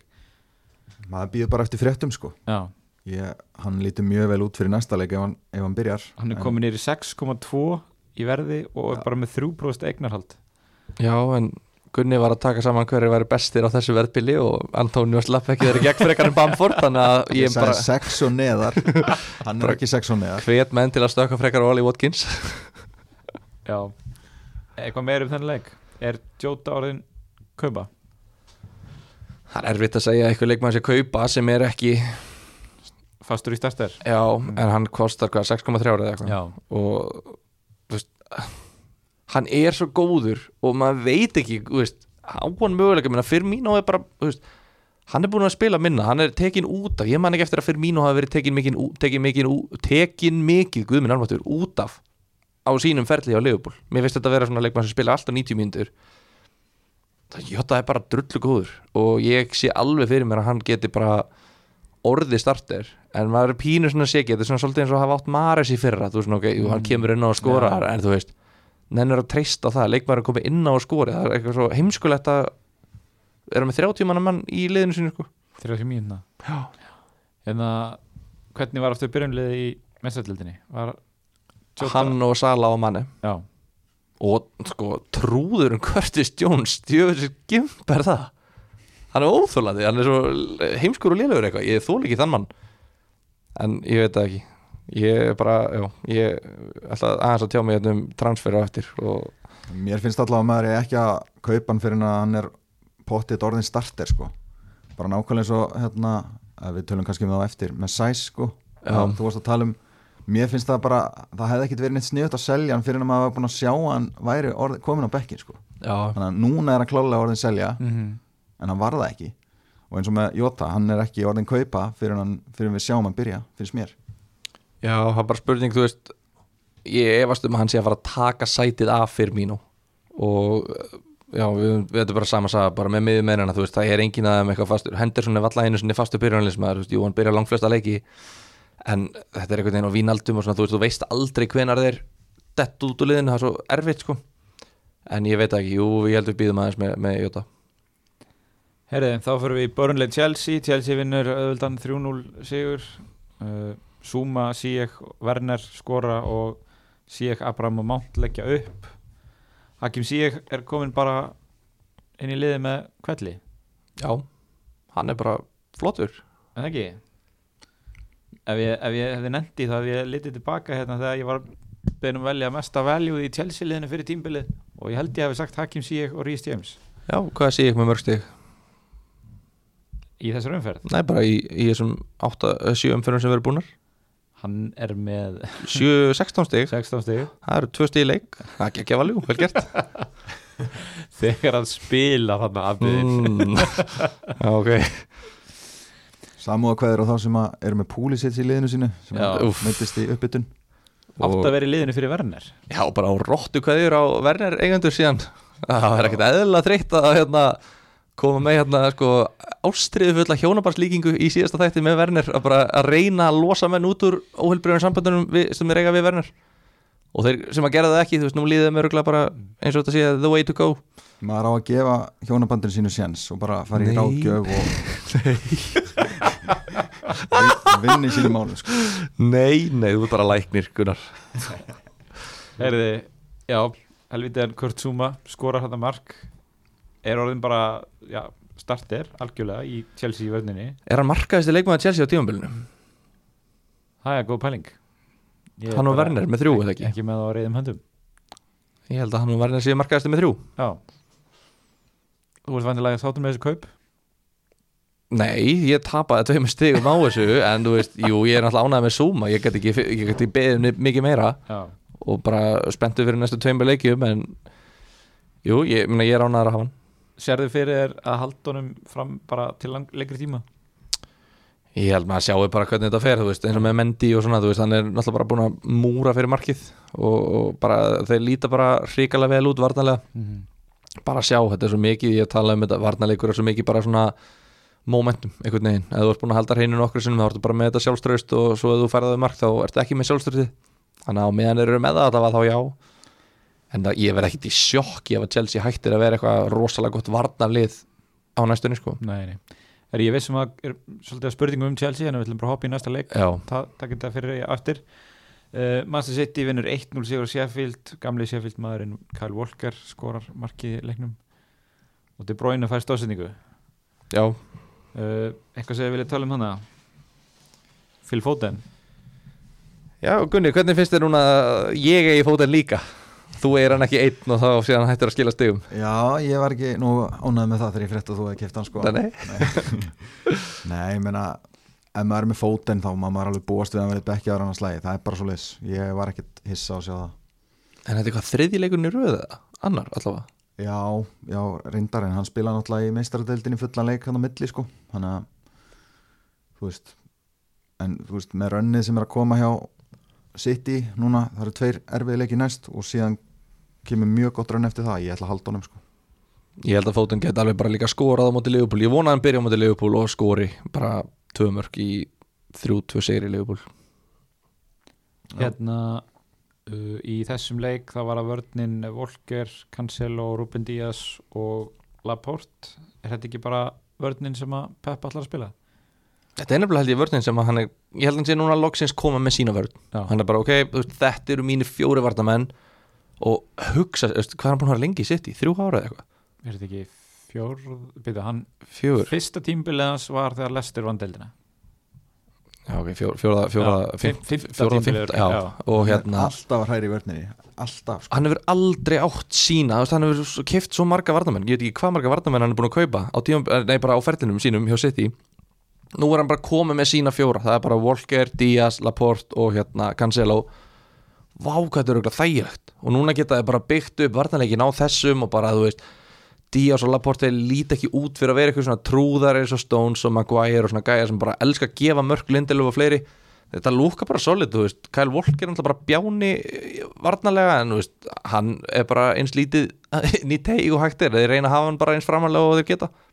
Bara mjög sniðut og ég veit ekki, þú veist ég, ég ætla ekki að reyna að vera eitthvað að segja ég hafa eitthvað verið að nála því að kaupa Walker út af því að hann var einhvern veginn aldrei á þannig á listanum en þú veist, maður var alveg að horfa á hann fyrir þessu umferð bara, þú veist, ætti maður að taka hann út af því að Gardiola líka búin að tala um að hann getur spilað á þryggjataða fresti og bara, hann, getur, hann er að spila besta leik, leikinn sinn og hann getur spilað bara hann er alltaf fáranlega fitt þessi gæi. Er hann ekki bara á 6 miljónir í City? Er hann ekki bara að fara að spila alla leiki? 90 mínútur, alltaf ég held að það sé alveg klárt. Eh, þeir breyttu núna allri vörninni sinni fyrir mestradeildarleikin nema Volker, eða ekki? Þannig að Sko ef ég tæki varnamann í City ég myndi taka Ruben Díaz frekar. Út að ég held að hann sé örgar með spilatíma og hann er hálfur miljón ódýrari. En ég er að sammála Volker er meira spennandi kostur sko fram á við. En Já. ég held að Díaz sé örgar með spilatíma og hann er ódýrari þannig að ég myndi taka hann. En bara, að því við hefum svo ofta sagt að varnamenni City séu bara off. Ég reynt að róa aðeins á móti þeim ströym með mjög slökum árangri og ég hef mitt óta mendi ástaræfintýri í fyrir að sem bara, þú veist var eins og það var og, og hérna Hvað og keftir hann oft? Fjóru sinni? Já, ég held ég að gefa þetta fjóru sinum en það heyri ekkert segja þetta upp þetta er bara magna sko. En er ég með einhver glerugu, er ég blindur eða eru þið sammála með að það sé kannski bara valjú í varnamennum í seti Ég er alveg sammála því. Ég er alveg samlaðið líka. Já, ok, þeir eru, Sérstaklega þeir eru búin að finna vörnina sína og, og hérna, þeir eru með góða tölfræði tilbaka sko, varnar hérna, tölfræði, þannig að ég held að þeir mun alveg halda hreinu. Já, Herri, þá var það síðasta leikurinn sem var á föstudaginn. Wolves vinnur 2-0 sigur á Crystal Palace. Uh, Helvitiðan Potens skoraði loksins. Uh, fær, fær samt aldrei að spila 90 mínútur. Um, og svo einhver gæði sem við postum nú mikið um í story sem ég veit ekki einu sem ennþá hvað heitir hvað heitir hann? Ryan Æt Núri, Ait Núri Þetta er eitthvað fútbolmanager wonderkid. Ég fekk Ah. bara mikla skammir fyrir að hafa ekki þekkt hann þaðan. Ég veit ekki hvernig ég á að þekka hann þaðan. Ég spil ekki fútbolmanager en bara, þú veist Við vorum þetta stressaðir við því hvort að Marsal myndi koma inn og, og hvort að hérna, Sæs og Kilman myndi byrja hvort þeirra myndi byrja eða hvernig þetta væri. Já, já, ég sá inn á Instagram hérna á official síðun hans Marsal Já. og hann postaði, ég spila ekki kvöld, ég er aðeins meittur Ég kem í næsta leik, eitthvað ekki á okkur. ég sendi þetta á ykkur og við vorum hérna að fagna því að Sæs myndi spila. Já, Ætt Núri ætlar að byrja leikinn strákar uh, Já, Sæs þú kemur bara út, þú dættir bara út hérna og svo skorar hann og bara þú veist, ert ekki að grínast í mér? Þetta er svo bjánalegt, þetta er svo barnalegt að ég bara á ekki orð. Og við tókum þetta í byrjun, ég tók þetta í byrjun þetta, hvað mér fannst um þetta, en þetta var náttúrulega bara nákvæmlega eins og við heldum þetta færi, þetta var bara að sjálfsögðu heldur hreinu og þetta fór já, þetta hefði kannski átt að fara 1-0 í lokin en þetta fór 2-0 Nú er bara spurning Hann kostar 5,0 þessi Æt Núri Ef hann er að fara að spila, hann leit mjög vel út í þessum leik Hann er miklu betri en Sæsana úti í Vingbak Þannig að eina samkennina sem Marsal myndi ég halda í þessari Vingbakvar á stöðu. Það er bara spurning hvað hann tekur fram fyrir. En horfðu núna á leikjaplanið sem er uppi?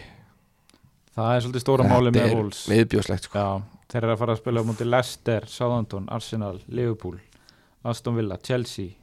Þú veist, þeir eru bara mjög óþægir Börnleik tóttina mannjú sko, þú veist að bara næstu nýju leikir eru ekkert spes og bara vondir.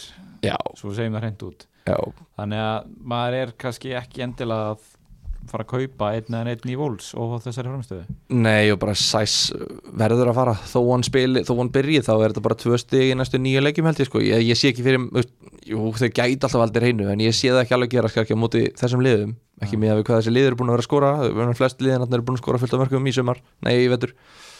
Þannig að hérna, já, ég held að sæs verða að fara uh, ef maður er með kilmann þá bara höldum maður honum og setur hann bara á bekkin bara flott, fínt að hafa hann ef, ef, ef hann heldur kannski heldur hann bara sætinu sínu út alla þessa leikjartörn og kannski næra bara að negla þetta- þessa stöðu. Uh, kannski nýtir Nuno þjálfari þetta, þessa leikjartörn til að réttlæta það að Sæs komi aftur henni byrjunarlið og Kilman fari bara aftur í góknar, veist maður veit það ekki. En ég myndi reyna að losa alla í vúl sem að heita ekki Kilman ef að ég væri hérna þjálfari. Sem ég er, fantasy þjálfari, eða þú veist. Já, ég er eiginlega sammála því, það er bara meira valjú í öðrum leikmönum sko. Já, Samanlega, herru, ef þá að fara í spurningar ríf upp spurningarnar. Já. Er það ekki bara, það var náttúrulega eins og áður, við þurftum eitthvað svona intro fyrir spurningarnar. Eitthvað svona, eitthvað töff lag. Já, en hérna, já, þetta er einn á Instagramin okkar bara fanta brauð, Instagram, já, þar sem að spurningarnar berast og fyrst við erum að plugga Instagraminu þá pluggum við Facebookinu, Facebook síðan fanta brauð og Facebook hópurinn Fantasy, Fantasy bræðar Já, ég ætla að muna þetta en, en hérna Herðu, ok, það er Hörður Kristinn spyr hvað á að gera við Sajak Kaupa sæli halda? Hakim Ziyech? Já, Hann er alltaf klálega að halda. Nei bara, hann er bara eitt af þessu. Já, Kaupa sæli halda. Ok, kaupa eða halda. Já, bara þeir eru að tvo góða leiki núna framöndan það væri alveg hægt að taka hann sem svona aðgreini í næstu tveimu leikjum. Já. Ég, ég, allavega, ég er, ég er ekki að hugsa um hann. Taka hann, Nei, taka hann inn. Mér, mér lakar svolítið til að sjá sko, hvað gerist við Hames Bæði bara, þú veist, er hann að spila meittur Þú veist, er hann bara að, er svona típisku gæði sem er alltaf meittur á nára og kemst aldrei í gang sko, spila einn og einn hálfleik og eitthvað. Þannig að ef, það, ef svo er þá er Hakim Ziyech mjög góður replacement í það en hvað segir fyrir mig sem að nú er ég ekki búin að skoða spurninga þar en nú er ég að pæla til dæmis að valja á milli Greilis og Ziyech Ég var að er hugsa það bara það sko. Greilis all day eða? Já, ég held að. Hvað kostar sík? hann er á átta núna. Ég var að hugsa það sko, þegar maður er að pæla í ekki, ef þú ert ekki með grílist þá myndi ég alltaf taka hann frekar sko. Og dyrari og bara fleiri stig sem að ég sé framöndan hjá honum Já, ég held sér sammála því bara. Um, Er einhver ok, við eiginlega tókum við það en skemmt, aðeins öðruvísi er einhver framherji sem er á 5,5 eða neðar sem er eitthvað að fara að sapna stigum? Er ekki bara nei eða? Nei, ég held ekki. Náttúrulega við erum með eitt starter á 4,5 sem er hann Brewster. hérna, Brewster í Sheffield United Mm -hmm. en hann er ekkert að skila neinu stígum eins og er þannig að það er mjög lítið af góðum á þessu verði þannig að takkið bara brúster og notið penningin í annað er það ekki, þú veist, ef þú ert að pæla í einhverjum 5,5 frammerja Já, bara, ég segi bara búðu til halva miljónu í viðbót og þá ertu fr fjórum frábærum sóknarmönnum Já, þá getur þú valið Olli og Olli og hérna, Vil, nei, hérna Bamford og Mitrovic og Antonio. Þú verður að búa til halva miljónu í viðbót þannig finnst mér. Uh, Hvað á að gera með Mopay? selja. Já, svarar þú núna. Mopay, Ég? Já, Ég veit ekki. Ég, er, ekki, þú veist, ég veit ekki nefnilega út af því að veist, þetta er er líkil maður, þetta er, þetta er sóknarmaður hjá, nummer eitt hjá þeim. Haldið að Potter sé bara brjálaður út í hann bara veist, allt í einu. Þetta hlýtur að vera eitthvað svona uppsafnað ef þetta er attitude problem þá hlýtur þetta að vera eitthvað svona uppsafnað að hann sé eitthvað eigingjarn eða sé bara þú veist, eitthvað í fílu eða eitthvað svona dæmi eða leggja sig ekki fram á æfingum. Ég trú ekki að það hafi komið upp bara eitthvað sprengja á síðustu æfingu fyrir leik bara hérna þar sem hann var bara eitthvað nefnt ekki að vera með eða eitthvað skilji. Skilji hvað er að meina? Já, hann, hann, ég, ég trú ekki að þetta hafi verið statement. Bara heyru, Mopay þú ert ekki í hóp einu sinni, þú spilar ekki með fyrir en þú ríður í gang, hvað ætlar hann að gera fara bara í fílu eins og smábarn eða ætlar hann að hérna, bara ok ég laga þetta og spila? Ég heldur, sko A, ég heldur ef ekki efna á að hafa hann eitthvað utan hóps eða bekknum til lengri tíma en B, svona ég veit ekki, bara hata hann að gæja. Hann er náttúrulega óþólandi en það er þetta punktur að þeir eru ekki með neinn í. Þú veist, þessi Connolly hann getur ekkert verið eitt frammi hann skora, hann er aldrei neitt að- í mörgum reyndar Kingdan í jú, Velbeck Connolly getur alveg sko hann skora eitthvað eitt eða tvö mörk í fyrra? Hann þetta er svona gaur sem klúðrar endalust á færum. Hann er Hann ekki með fleiri bara- hann var að 4,5 í fyrra, hann var að reynast ágætlega í fyrra. Já, já, hann nokkur assist og tvö mörk eða eitthvað. Fyrir já, en hérna allavega hann er langbæstur í þessu liði fram á við Já. hann Mopay, þannig að ég held eins og þið voru að segja hann, Potter kennst ekki upp með að geima hann upp í stúk alltaf. Nei. En þannig að hann er að fara að spila næsta leik á móti börnlega heima. Og er það bara bullandi selja fyrir ykkur eða? Ég ætlaði með að segja, mögulega halda honum fyrir þannleik en eftir það er bara rönnið ekki gott og það eru aðrir betri kostir á samaverði eins og Wilson til dæmis ef, að, ef að ég væri að velja um, þú veist, væri með hvoru og væri með að kaupa þá ég alltaf að kaupa Callum Wilson sko. en ég sko, ef þú ert ekki með neinn fleiri vandamál í liðinu en að selja Mopay þá er kannski alltaf lægi að skipta honum yfir í Wilson þú veist, ef þú ert að hugsa um það en Já. annars er þetta bara að halda og býða og sjá sko. Og tengt þessu líka selja Matt Ryan spurningamerki. Er ekki bara sama? Jú, eða, þú veist, ég, ef maður er ekki með annan markmann myndi maður þá taka sénsinn og hann komi bara strax aftur í liðið? Já, er það ekki, þetta er Matt Ryan sko. hann er, það það er sé, alltaf líkur á því sko, en en ég, já, mér finnst Matti Ræðin bara að selja óháði hvort hann spilar eða ekki. Hann, veist, þeir halda aldrei reynu já, reyndar. Það er þetta góða punkt það er bara miklu betri kostir í bóði sko. Mhm. ég var að skoða hérna uh, uh, nú erum við með svo mikla skamstæðanir hérna, þetta voru svo helviti nördaleg spjall eftir að við fengum, nei, hérna, eftir að við fengum þann besta inn í þetta, þá er þetta orðið eh, svona þrý svona nördalegra sem að ég elska. Uh, XGP eitthvað, eitthvað expected goals prevented frá markmönnum og Matti, ég var að skoða þetta bara áðan þú veist. Matti Ræjan hann er búin að fá á sig sko, eitthvað 3,5 mörg meira heldur en hann ætti að vera veist, hann ætti að vera búin að koma vekk fyrir 3,5 mörg bara hann sjálfur. Já, hann og Adrian voru hann í algjörum sérflokki og Kepa og Pickford fylgdu þeim svo fast á hæla og sást bara, þetta var bara, þetta var bara listi við lélegustu markmund deildarinnar og svo hérna og var Ederson hann hínum megin við, við Bruna og eitthvað svo leis uh, skipta út Jorginho ef svo er hverinn um, Þú ert nú Jorginjó eigandi, eða ekki? jú, því miður. Hvað segir þú um það? Ah, Ég veit ekki maður, þú veist. Þetta er svo leiðileg kalla sem við erum að tala um samt Mopay og Ryan og Jorginho, þú veist. Hver er mikið saman með þess að gæja? Þú veist, Já, já, er ekki bara að selja Það- ég er búin að segja allan tíman sko. Já, ég held að þetta var bara feit pæling sem að gekk ekki upp Þú veist. Þetta var bara vít, vítin og þetta var juicy En þú veist, þeir eru hættir þetta með víti og, og hérna. Sko hann er búin að klúra núna tveimur vítum á tímabilinu og Werner bomba honum innan í víti eftir hann klúraði síðast þannig að hann getur verið búin að missa vítin og þá er hann bara selja, selja, selja sko. Já, já Þeir eru Ármann Kári spyr hérna hver er besti leikmaður elliða Hver er ykkur svona bestur Ég þekki nú ekki alla leikmennina sko. Nei, segðu það bara eitthvað sem þú þekkir GT bara Já, ok, ok uh, Doppul sitt í vörn, er það galin pæling?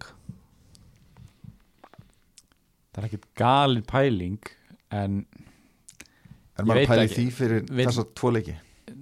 ekki fyrir næstu ekki í svona short term allavega það er meira en þú veist, vill maður ekki eiga þá frekar sko geta bætt vinn, þú veist, Kevin De Bruyne og einum öðrum miðjumanni þú veist, ertu að fara að vera með þetta er spurning, ertu að fara að vera með þrjá sittimenn þá er erfitt að vera með tvo í vörninni sko Já. Ég, ég myndi ekki taka meira neitt En hver er í þessum pælingum núna framöndan leikir á móti Liverpool og Tottenham í næstu tveim? Já, það segir sko frá Gaming 10 já, Ef það er pælingin. Já, Er ok, uh, Brún það. Það, er, það náttúrulega bara, svarið er bara býð og sjá í næstu, hvað er það, tvei leikir. Uh, ef að hann heldur áfram að spila þessari sömu vörn og þetta er bara pottit vörnin, þá er kannski allt í lagi að vera með tvo, af því þú veist hvað fjóri er að fara að spila. Já, uh, bara stutt hérna bara eitt orð, bara halda, selja, kaupa, Werner halda. Já, halda. Bruno Fernandes. Selja. Já, selja þegar að sitt í fara ölduleikinu sína. Uh, James Rodríguez. Halda, Selja, Riyad Mahrez. Selja. Selja. Uh, Pulisic. Selja. Já, ég meina hann var að meiðast Þannig að ba, þú veist, þarna myndi ég bara taka eins og við köllum það á ennsku sideways move, þar sem kaupir skiptir út leikmanni fyrir leikmanni í sama liði og kaupa þá Hakim Ziyech. En af hverju þá ekki að taka bara grillis? já, eða, það bara. Já, já, ok. Ég var svo, já, já, við vorum að tala um það Svarið er býð eftir að Lampard segi hversu lengi hann er frá. Ok. Um, Er einhver þrjóskari en GT að hafa ennþá bæði Trent og Robertson? Svarið við því er líka Nei, það verður spyrjað um Southampton leikmenn líka. Uh, Ings er náttúrulega vorum að tala um það uh, Vestegard er hann orðin must have? Eða þú veist er, er Vestegard orðin svona gæin 4,5 miljón gæin sem við erum að horfa á? Eða eru þeir, svona, eru þeir margir hann? hann er ekki orðin must have Nei, en hann er, myndu kannski alveg flokkan í kaupa. Sko, hvernig er prógrami hjá þeim? Næsti leikur móti Newcastle heima Svo eru Wolves og United já, eftir það Þannig að hann er langt frá að vera must have hjá mér sko. Um, þá held ég þetta sé bara bara komið, það er einnig það sem að spyr um wildcard. Ef hann er með aktiv wildcard núna. Svona, þú veist, einhver pikk er ekki bara svona sem við erum búin að vera að ræða það myndi kannski segja Chilwell. Já, Gott sjátt frekar en okkar maður Zuma. Kurt Já, Happy. Zuma. Er ekki, nú er ég ekki búin að sjá nú mikið að Chelsea leikjum en er ekki Chilwell að taka eitthvað á hotnum og og hann bara spilaði svo framalega í þessum leik. Já, ég mun næstu ég búin að skora sko úr opnum leik hérna, var bara fjarstöngin að fara að skalla hann inn og fekk svona aðeins ítikju í baki sem að tók hann í jafnvægi. Mhm. já, Grílis Já. Grílis, algjörlega. Kane Vardy ég held ég myndi ekki taka Kane núna. Nei, ég myndi ekki sem gera er sko. ógeðslega fyndið að segja að ég er nýbúin að kaupa hann svona tilturlega Ég myndi bara hafa einn neymitt að Kane eða svon sko, já, á wildcardi. Um, já, hvað ætlum við að segja hérna? Þannig er- að wildcard picks Sko Mér langar að droppa einu hérna sem er Ferran Torres í, í Manchester City Já, hvað er hann á? Sjö? Er Það ekki? Ég Og er að- spila sem framherið þeirra á meðan hinn er tveir eru frá. Hann er með fína tölfræði. Já, fekk ágættis færi þarna um helgina til að skora. Er, veist, er þetta alveg galið eða, Nei, nei. Nei. Já, ég treyst honum ekki alveg strax sko.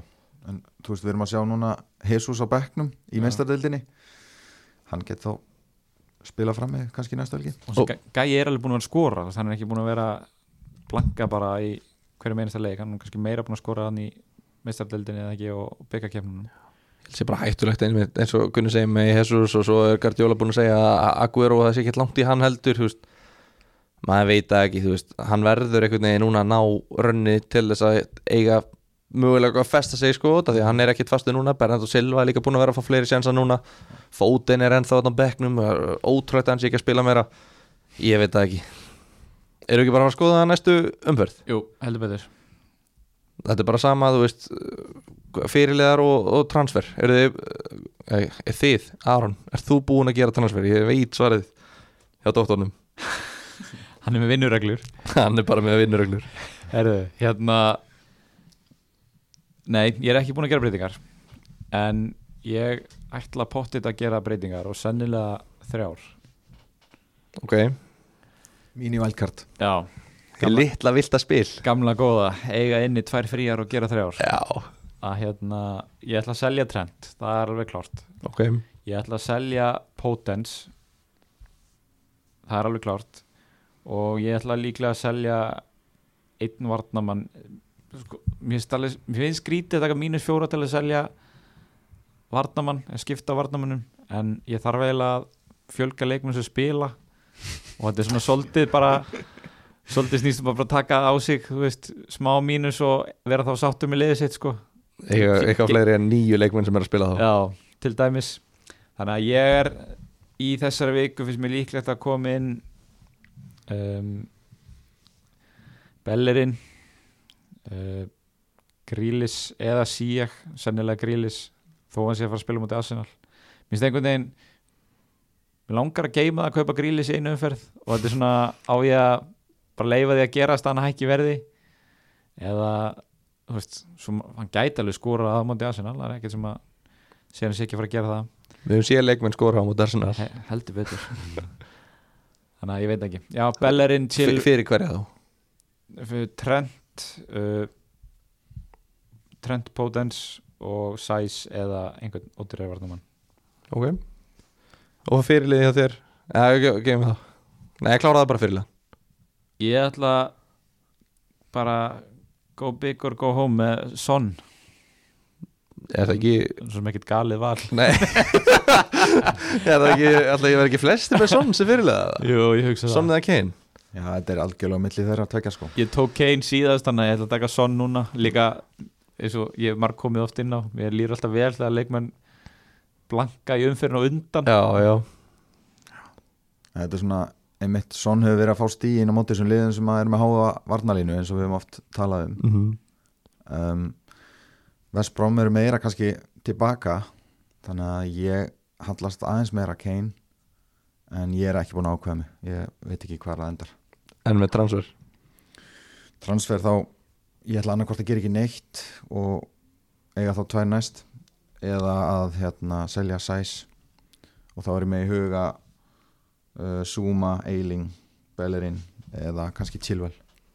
Að ég á reyndar ekki peninga fyrir Chilwell ég er þá að gera tvær þannig að og ég hata að taka mínus fjóra þannig að ég gera ekki. Ok, ok. Ég er eiginlega sammála gunna Ég hata að taka mínus fjóra. Nei, út alltaf að því. Ha, nei, ég held sé ekki búin að gera það einu svona tímambildu Nú, Ég er bara rosalega lítið í því. ok, En- sorry. Eins og ég segi, ég, ég hata að taka mínus fjóra Þannig að ég tók mínus átta í staðinn. Já, ok, þannig. Og hérna og ég er búinn að gera þrjárskiptingar og búinn að taka með mínus átta. Svo þetta á föstudagskvöldi þegar ég þegar ég sá að þetta var að gerast sem ég var búinn að spá og ég hafði samt fallið fyrir þessu ég tók frekjukast og ég seldi ég seldi sæs fyrir Kilman Já, á föstudagskvöldið á meðan leikurinn var í gangi ég tók frekjukast og ég var sko í alvegni bara spyr ég bróðu minn eða einhvern sem var heima sko. Ég, bara, ég var tjúlaður hana og bara öskrandi á síman og bara líka við grátandi reyður bara í, í fósustendingunni bara að kasta fjastringunni í vekkinn Þú beist ekki einu sinni eftir að sjá hvort að Kilman kemist heill út úr þessum leik? Nei. Nei, mér var bara drullu sama. Út af því já, ég ætlaði að gera það Munið, ég ætlaði að gera breytinguna Mhm. Klukkan 2.00 um nóttina Eða eitthvað Já, og, já, já. og klukkan var 1.59 og ég vel kilman inn í liðið mitt Fyrir lamdi, Já, ít á confirm Klukkan 2.00 það kemur bara error. Mm. Og ég bara, hvað er eiginlega gangi? Ok, og loka appinu, opnaði aftur. Hann er búin að hækka um 0,1 Klukkan 2 um nóttina. Og hérna og þá var ég svo pyrrar að ég slefti þessu slefti þessu breytingu út af því að hann var bara að hækka og ég þurfti að er hann 0,1 miljón dýrar meira virði? Ég hefði betur bara gert það að, hérna, en ég gerði það ekki. Þannig að hann er farinn og hérna sæs og, já ég minna sæs já og Kilman komin inn. Uh, svo er ég búinn hvað er ég meira búinn að gera hérna? Trent er farinn. Farinn, krossustu dáin og grafinu bless. Og Vestergaard er komin inn á.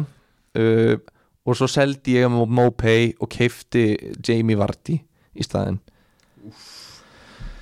Ég er í frjálsum falli þetta ég veit ekki hvað ég er að gera Ætlar að gera eitthvað meira eða? Ég veit það ekki. Ég er alveg að missa hausin þetta sko. En nýja taktingin mín er þess að ég er núna hættur að ofhugsa hlutina og Já. hættur að pæli núna bara hvað er það sem er að fara að gerast? Mhm. ok, Vestergaard er að fara að halda hreinu og líklega skora mútið Newcastle. Uh, Liverpool er ekkert að fara að halda hreinu næstunni. Þú veist þannig að mútið City ég hugsaði það. Svo bara Æ, nei, þú veist, nei, þetta er bara búið. Ég er bara þrjóski yfir mig þetta og já, þannig að ég er bara ánar hérna. En þú mátt þá ekki koma í næsta þátt þegar Trent er búin að skora og kvarta yfir því? Nei, nei. Þá bara kem ég ekkert í næsta þátt. En hérna, já, ég er með vart í hérna og ég er með Kevin De Bruyne sem fyrirliða eins og er. Og ég veit ekki, þú veist, ég er aðeins að hugsa þetta. Þú veist, ég, Son er hérna, Jamie Vardy er hérna Sala og De Bruyne. Þú veist, Liverpool bara getur ekki heldur hreinu þannig að ég veit það ekki, þú veist. Ég er að pæla bara í De Bruyne Þetta er gott svona aðgreina aðgreinings Já, ég var að hugsa þetta líka, ég var að tala um þetta við ykkur fyrir tíðanbíl af hverju setur maður ekki bara bandið til brenni og leggur sig? Leifir hann bara að fá sín 20 stig einhvern tíman þannig að ég er að pælja bara að vinna þess með það. Það var bara bandið á honum núna næstu fjóra-fimm leikina og bara leifa honum að, að koma mér upp í top the top million. En þetta sá líka um Sala hérna í byrjun þáttarins Akkur er, tekur ekki bara hann alltaf? Já, þú veist það er annarkor Já, en ég get ekki verið að breyta mikið og elda þannig að ég er Nei, að pæla í bara núna þú veist, Liverpool, Tottenham, Burnley, Fulham þú veist, næstu fjóru leikir ég er að pæla í að hafa bara bandið á til brönnu og leifa honum bara að, að hérna, gera mér ríkan. Það eru margir sem eru búin að selja þannig að þetta er svona meira differential pick heldur en Sala Já, það er bara 15% sem eiga til brönnu sko. 47% eru með Sala 59% með Son 56% með hérna, Galvert Lúin Vardi er í 18% með sko 55 stig og eitthvað svona þannig að ég veit ekki, ég væri líka alveg til að Vardi tæki svona rönni svo í fyrra þar sem hann skoraði bara endalust sko. Já, Þú veist, Wolves, Liverpool, Fulham, Sheffield, Brighton hann geti alveg skorað í öllum þessum leikim Ég er alveg að íhuga að taka hann inn fyrir Kane sko þegar að fixture swingið er sko. Já, já, Við tökum bara smá umræðum það í lokin. Nú náttúrulega breytast leikinn þannig á Tottenham og og Kane eru búin að vera tveir aðal kallanir í fantasy það sem áður vetrar uh, Erum við að fara að sjá fólk selja og allir þið að selja annarkot báða veist, hvað, hvað eru svona ykkar pælingar? Já. Ræðst á þessum Vafbi Alek svolítið mikið? Nei, það ræðst eða ekkert á honum. Ég ætla bara, ég, mér stóð mikið að vera með á báða í þessum þreim leikjum þessum þreim erfiðu leikjum.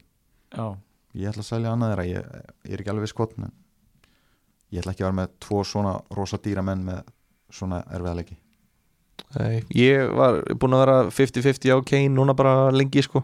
Og ég er ekki með hann þannig að ég er bara ekki að fara að kaupa hann held ég. En þú sjálfur? Um, Mér finnst einhvern veginn Mér finnst erfið tilhugsun að losa mig við að báða. Og það er þá er maður alltaf að spyrja sig sko, hver er að fara að koma inn? Það er þá helst Manchester City menn, ég, ég er ekki, með engan núna. Mm -hmm. Uh, Kevin De Bruyne þarna fyrir prógrami sem maður setti á. Jamie Vardy veist, Aguero ef hann lifnar einhvern tímann við. Uh, ég heyrði einhvern pælingum að breyta Kane í Martial, ég veit ekki alveg með það en veist, það er eitthvað svona sem maður hefur bakveira kannski. Æ, ég veit það ekki. Ég, eins og ég segi, það ræðist kannski svolítið mikið af því hvernig, hvernig er lítið út í þessum Vafbi-aðleik sko. ef þetta verður 3-0 sigur og þeir skora báðir og þá er erfitt að fara að selja en ef, að, ef þetta verður eitthvað skýta eitt eitt jafntefli það sem að, þú veist, Lamela skora eina markið þá er þetta auðveldar ákvörðun sko. Já, endum þetta á einu kvissi hérna. Já, uh, Það eru 30 mínútur búnar að meistaradeldinni eins og staðan er núna. City er 1-0 lifur á móti Olympiakos. Hver aldrei hafi lagt upp markið á City? Fótinn. Nei, Volker, stákar kemur til brönni Já, hætti að, hætti að finna upp hjólið. Kevin De Bruyne laði upp, hver aldrei hafi skorað? Ferran Torres? Ferran Torres. Yes. Liverpool er 1-0 lifur á móti Atalanta. Hver aldrei hafi lagt upp markið? Trent. Trent. Hver aldrei hafi skorað markið? Sala Nei, Diogo Jota En þetta er svona típisk uh, fantasy mörg sko. Trent að leggja upp á Diogo Jota og Bruyne að leggja upp á Ferran Torres Þetta er bara það sem er að fara að gera sko. Trent búinn að leggja upp núna tvo meistarallegi í röð og var langt bestur á móti Midtjylland og búinn að halda hreinu í öllum leikjunum í meistaralldinni og þetta er allt í blómstra bara mm. svo allt í blóma seg, svo kemur þetta hérna í ennsku deildina og þeir prumpi í sig sko. það er bara svona virkar þetta en ég er búinn að selja Trent þannig ég get ekki beðið eftir marki og, hérna, og 15 stegum frá honum Herru, þá segjum við þetta gott í byli Það er næsti, næsta umferð byrjar mjög snemma Fresturinn er klukkan fjögur á föstudaginn. Munið það. Tveir leikir á föstudaginn. Þetta er ekkert spennandi leikir en það er önnur saga. Hádeisleikurinn lögadaginn er Everton Master United. Uh, Svo er náttúrulega stórleikur Master City og Liverpool klukkan 16.30 og sunnundag munið bara breyta liðinu fyrir fjögur á fyrstu daginn reynið að gera skynsalega kaup og velja réttan fyrirlega við vitum að við munum ekki gera það Takk fyrir bilið